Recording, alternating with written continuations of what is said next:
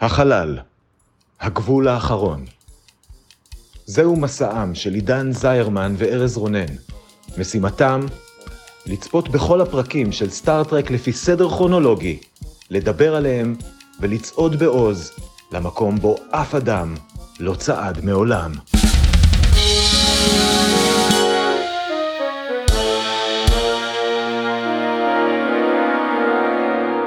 שלום, אני עידן זרמן, ואני ארז רונן. ואנחנו הולכים לדבר היום על הפרק ה-13 בעונה השלישית של סטארטרק, הסדרה המקורית, Elaan of Troyius. הוא שודר במקור בתאריך ה-20 בדצמבר 1968, וכרגיל, כדי להכניס אתכם לעניינים, ארז יתמצת את כל מה שקרה בו בדקה אחת בלבד. ארז, האם אתה מוכן? תראה בדיוק באים לאסוף אותי כי שידכו אותי להתחתן עם איזה שליט של מדינה שכנה אבל עד שיגיעו אני חושב שאני אספיק ל- ל- לדקה הזאת. סבבה, בסדר. שלוש ארבעה ו... זו הפעם ההיא בשנה הבאה האנטרפרייז נאלצת לתפקד כמונית. הפעם הנוסעת היא אילן, בחורה עצבנית במיוחד שנשלחה מכוכב הלכת העצבני שלה כדי להתחתן עם שליט של כוכב לכת מתחרה. סחר בבני אדם, נישואים מלכותניים סטייל סטארפליט, לא משנה איך תקראו לזה, זה נשמע כמו מתכונת צרות. והצרות אכן מגיעות. בהתחלה אילן מתנהגת כמו ילדה קטנה ומפונקת, גורמת לשגריר שהיה אמור לטפל בה להתפטר, והופכת את קירק למורה שלה לנימוסים והליכות סטייל אילוף הסוררת. העניינים מסתבכים כשקירק ואילן מתאהבים, או יותר נכון אילן מתאהבת בקירק ובעזרת הדמעות הקסומות שלה גורמות לו להתאהב בה, כי גם הדמעות שלה הן בעצם שיקוי אהבה. כן, אשכרה. רק מה מסתבר ששומר הראש של אילן כבר היה מאוהב בה קודם, ומתוך תסכול הוא חיבל בספינה והשבית אותה לגמרי. לא נעים. בקיצור השניים מאוהבים, אבל אז יש ספינה קלינגונית שמתחילה להתקיף את האנטרפרייז וקירק נאלץ לעזוב את מיטת אהובתו כדי להגיע לגשר ולפקד על העניינים, אחרי שקירק מגלה שהשרשרת היפה של אילן עשויה בעצם מדיליתיום, הוא מצליח לתקן את הספינה, לנצח את הקלינגונים ולשלוח את אילן בזמן לחתונה. קולולולולולו. קולולו, קולולו.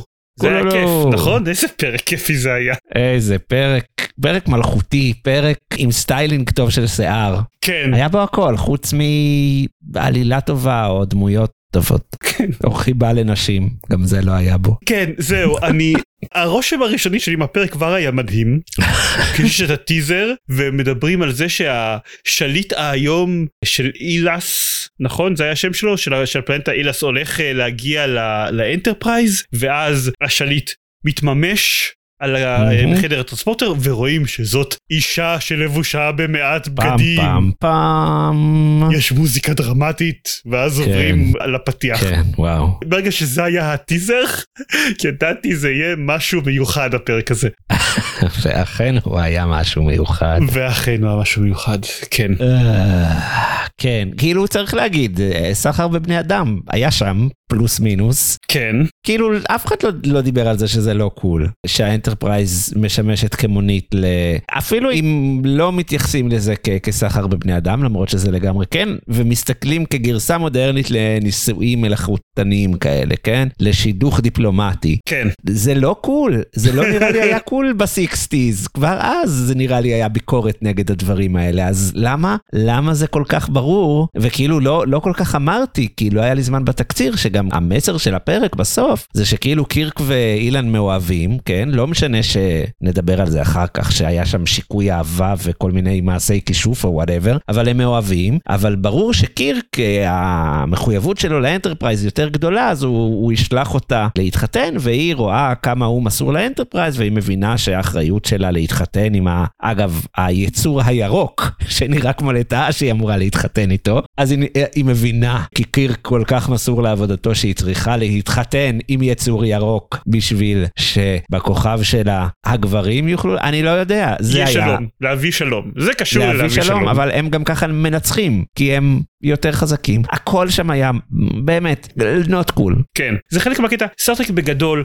מאוד מאוד אוהבים שהפדרציה מטיפה מוסר לסיביליזציות נחותות. אנחנו ראינו את זה בכמה מקרים בסדרה המקורית ומן הסתם זה יחזור עוד הרבה מאוד פעמים גם בסדרות עתידיות. כשהפדרציה נתקלת ב- בסיביליזציות שהמוסר שלהם הוא פחות טוב מזה של הפדרציה הם מנסים לשנות אותו. לפעמים מצליחים ולפעמים לא אבל הם מנסים לשנות אותו. וזה עובד כמעט בכל המקרים חוץ מ... וגם את זה נראה בסדרות עתידיות חוץ מכשזה נוגע ליחס לנשים. ושם ייי. זה כאילו אוי הסיביליזציות האלה עם הקוורקס שלהם בסדר הדברים האלה אנחנו נסלח. כן, וזה מה שקרה פה פחות או יותר. כן.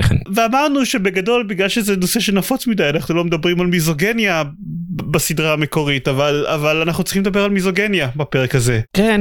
כי כן. וואו וואו היא התחילה כמו... אה, כן, אני- כמו אשת ראש ממשלה מסוימת, שלא לנקוב בשמה כדי שלא יתבעו איתנו דיבה, לאה רבין, וכאילו פשוט התנהגה כמו ברט מוחלטת, כאילו שלא יודעת בכלל להתנהג בחברה, וגם מאוד אלימה, ואז היא הפכה לנערה תיכון מאוהבת פתאום, ואז מה קרה שם? כן, היא הפכה לנערת תיכון מאוהבת בגלל שהיא התאהבה בקרק, ברור. כי הוא צעק עליה מספיק חזק, מהמם. ככל הנראה, ואיים עליה בספנקינג, זה משהו שקרה בפרק. ואז, אחרי שהתאהבה בו, אז כמובן אין שום סיכוי שהוא יאהב אותה בחזרה, ולכן היא הייתה צריכה לשעבד אותו עם הדמעות הקסומות שלה, נכון. וככה ללכוד את המחשב. עכשיו, מהשנייה הזאת הוא שוב היה מאוהב בה בצורה קיצונית או משהו כזה, אבל כמובן שמה שקרה זה שבמקביל היא הייתה מאוהבת בו, ומהשנייה הזאת היא הפכה מ... סליחה על... על הצרפתית שלי, כלבה מהגיהנום, היא הפכה למישהי שעושה את כל מה שהוא אומר במבט כנוע כזה, כן קירק, כן. מה שתגיד קירק, זה לא היה נחמד כן. לראות. לא- ואז הוא כאמור שלח אותה להתחתן ואפילו לא הלך איתה לה, כאילו פשוט שיגר אותה משם כן. ונשאר על הספינה, הוא אפילו לא ליווה אותה למטה. כן, כי בעוד שהוא הדבר הכי טוב שהיא ראתה אי פעם והיא תהיה מאוהבת בו לנצח, אז הוא בסופו של דבר שייך לאנטרפרייז ומאוהב כן. באנטרפרייז ונשים, נשים לא. חשובות בחיים שלי. אז כן, אז הפרק הזה עושה את כל הטרופים של אה, לקחת נשים אה, שהחטא היחיד שלהם זה שהן מנסות אה, לערער על סמכות ו... אוקיי, שוב, היא הייתה חסרת כן, גם היא. ספציפית הייתה די נוראית, אבל... כן, אבל, אבל בסופו של דבר היא מתרעמת כנגד זה שמחתנים אותה כנגד רצונה עם מישהו רק מסיבות פוליטיות, שזה דבר ירוק, הגיוני. שהוא גם ירוק. שהוא גם ירוק. חוזר על זה שהוא ירוק. שזה דבר הגיוני להתרעם עליו, כן, ולהציג אותה בתור הרעה בגלל שהיא עושה את זה, וכן, טוב, זה... כן. אני חייב, אבל הפרק הזה היה כאילו מיזוגני בכללות, אני, ואני חייב להגיד ספציפית את המשפט הנפלא, שספוק תוהה לגבי ההתנהגות שלה, ואיך קרק מתמודד עם ההתנהגות שלה, ואז קרק אומר לספוק, ספוק, הנשים בכוכב שלך הן הגיוניות, זה הכוכב היחיד בגלקסיה שיכול לטעון את זה. Mm, איזה משפט. איזה. משפט. יפ. אז זהו, איזה מגניב. זה היה איום ונורא. כן. עכשיו, אני אגיד שלא רק זה, זאת אומרת, אני גם כן הזכרתי את זה בקטנה, אבל בוא, בוא נתמקד, זה, זה גם היה פרק, שוב, הסיפור שלו לא היה טוב. גם כי הוא, הוא היה מורכב, זה, זה לא פעם ראשונה שזה קורה לנו עם הסדרה הזאת, כן, אבל זה היה ממש בולט, שזה נראה שזה מורכב מכמה סיפורים שונים, בהתחלה אילוף הסוררת, ואז סיפור אהבה בלתי אפשרי בין קירק לאילן, ואז אה, המערכה האחרונה הייתה בכלל סוג של אה, סרט צוללות כזה נגד הספינה הקלינגונית שניסתה לנגח אותם כל הזמן. וזה לא היה מחובר טוב, זאת אומרת, כשעושים סיפור, אז בשביל לחבר בין חלקים כאלה עושים נקודות מפנה. אבל כאן שכחו את זה, הם פשוט עברו בין סצנות, אה, פתאום אילן מאוהבת בו, אה, פתאום הק- הקלינגון מגיע. אה, כן, הדברים פשוט התקדמו בקצב לא ברור, לא היו מחוברים אחד לשני, היו כל מיני צירופי מקרים לא סבירים, זה שבסוף השרשרת שלה הייתה fucking dilithium. מבחינת טוויסטים זה היה אחד הגרועים וראינו כבר שהם מסוגלים לעשות טוויסטים טובים. כן, כן. אבל פה כאילו הם תוהים במשך הפרק. מה מה יש בפלנטות האלה שבגללם הן כל כך חשובות לקלינגונים ולפדרציה? למה זה כל כך חשוב? ואז באיזשהו שלב הם נתקעים בפרק בלי שום יכולת לעבור לוורפ כי הדייליטיום שלהם נהרס ובשנייה שהוא אומר את זה זה כזה אה זה מה שמיוחד בפלנטה הזאתי ואז היא יוצאת עם השרשרת הזאתי לגשר וספוק אומר שיש איזושהי קריאת אנרגיה מוזרה. זה מאוד מאוד ברור בכל שלב של הפרק מה הולך לקרות מהבחינה הזאתי בתור טוויסט זה טוויסט שנכתב מאוד מאוד גרוע. נכון. אבל אני חייב להגיד ספציפית הסגמנט האחרון של הפרק עם הטוויסט הגרוע הקרב נגד הקלינגונים כן חיבבתי הוא כן היה עשוי יחסית מותח ונחמד כן, זאת הייתה המערכה הכי סבירה בפרק הזה, ללא ספק. חוץ חוץ מ... מזה שכרגיל אין להם שום הבנה של סקלות של החלל אה, בסדר, נו, זה בקטנה. הוא רצה לצאת ממערכת השמש כדי שיהיה לו יותר מרחב תמרון אתה מבין כל הפלנטות האלה במרחק של מאות אלפי קילומטרים מאוד מפריעים לנו אוי כן זהו בסדר, בסדר, הם בסיקסיס לא ידעו עוד. כן, גם לי אין הרבה מה להגיד, זאת אומרת, היה לי להגיד את העניין הזה שזה לא חובר מספיק. אני טועה לגבי השם גם של הפרק, אם הוא בהפוך על הפוך, ואז אם הוא בהפוך על הפוך אז הוא קצת אולי מבטל את כל, אבל הוא לא באמת, כי זה רק שם. כי כאילו הלן מטרויה, זה לא עבד הסיפור הזה, היא נשלחה לטרויה להתחתן שם נישואים דיפלומטיים, ואז יצאו בשבילה למלחמה, השיקו ספינות רבות בשביל אה, לחלץ אותה משם. אז או שבחרתם שם לא נכון, או שעשיתם לנו הפוך על הפוך, אבל כאילו זה כל כך לא מתכתב עם הפרק, ש... או לא יודע, אולי יהיה המשך, אולי יהיה ב-lower decks המשך לא צפוי. כן, הם תכננו שכתבו את הפרק את ההמשך בלורדקס כן. שיגרום לכולו להיות נכון. אני אגיד משהו אחד שכן חיבבתי חוץ מהקרב. אתה מוזמן להגיד. אני אהבתי את זה שבהתחלה מציגים לנו את הגזע של האלסיאנס שממנו מגיע אילן מציגים אותם בתור אה, שחצנים ונוראים וידה ידה ידה. ולעומת זאת הגזע של הטרויאנים הוא נחמד ומנומס ובגלל זה צריך ללמד אותה כאילו נימוסים והליכות. אבל בשנייה שהשגריר של הטרויאנים פוגש את אילן הוא מדבר על זה שאוקיי אני אני אני אני רק רוצה להרוג אותה. בסופו של דבר הם גזע נוראי בדיוק באותה מידה גם הם מחרחרי מלחמה שרק רוצים להילחם נגד הגזע האחר. וקרק מסתכל עליו הם כמובן לא משאירים את זה בסאבטקסט קרק מסתכל עליו ואומר אתה גרוע בדיוק כמוה. אז כן אהבתי את זה שכאילו לכאורה למרות שהם המנומסים והנחמדים שהם גרועים באותה מידה. זה כן היה טאץ' חביב. טוב בסדר. כן. אה, בוא נעבור לפינות שלנו. יאללה. אז בפינת הטריוויה אני אגיד שזה היה הפרק היחיד שהבמאי שלו הוא גם התסריטאי הבודד שכתב אותו ג'ון מרדיט לוקאס איזה איש מוכשר. זאת הסיבה שבגלל אני פחות אוהב להגיד פריטי טריוויה שיש להם תאריך תפוגה פוטנציאלי כי באמת הוא החזיק את התואר הזה המון המון זמן אבל אה, הוא נלקח ממנו השנה בשנה שבה אנחנו מקליטים את הפרק הזה ב2023 פרק הסיום של עונה 3 של סטארטרק פיקארד נכתב ובוים על ידי אותו בן אדם טרי מטלס אז התואר נלקח ממנו. אה, הורס הורס לנו הכל טרי הזה. כן אנחנו נדבר על עונה 3 של פיקארד בעוד 17 שנה ככל הנראה כן, ואז בדיוק.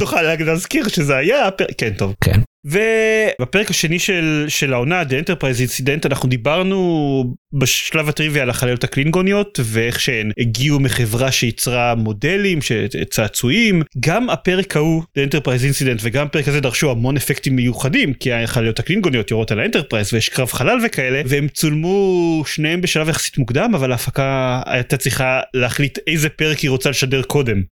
כי זה דרש המון המון המון עבודה על אפקטים מיוחדים אז בגלל שזה היה כאילו קשור ל The Pueblo Incident שהוא איזשהו מאורע אקטואלי אז הם החליטו ש The Enterprise Incident ישודר קודם ו Elaan of Troyius נדחה כמה חודשים מאוחר יותר. כיף לאנשים שהפרק הזה נחסך להם במשך כמה חודשים. כן ואז הם קיבלו אותו לקראת כריסמס. טוב יאללה למרות שזה לא היה פרק משהו נבחר סצנות אהובות? יאללה נבחר. ארז מה הייתה הסצנה האהובה עליך? אני לא כאילו אני הפרק הזה היה כל כך מיזוגני ואז כבר אני כבר נהייתי מיזוגני ואז כאילו ש, שיש את סצנת הסטירות שאילן סוטרת לקירק ואז קירק סוטר לה בחזרה כי זה תמיד מחריד בצורה קרינג'ית אך מאוד מצחיקה שאני אומר what the hell מה הם עשו כשאני רואה את כל מיני גברים נותנים סטירות אובר קומיות לנשים בסדרה הזאת אז בפעם השנייה שלי אני בוחר סטירה הסצנה האהובה לגיטימי פעם הקודמת הייתה מקוי נכון בפרק אחר, ב... איך קראו לפרק הזה? זה כן פעם קודמת הייתה פרק 11 בעונה שנייה. Friday's Child. מעולה. ועכשיו תוכל לשים לו קישור, נכון כן יש לנו המון.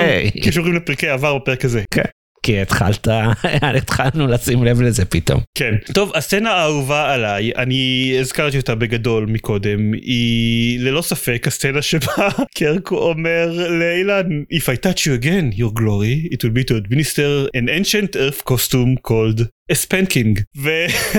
כן.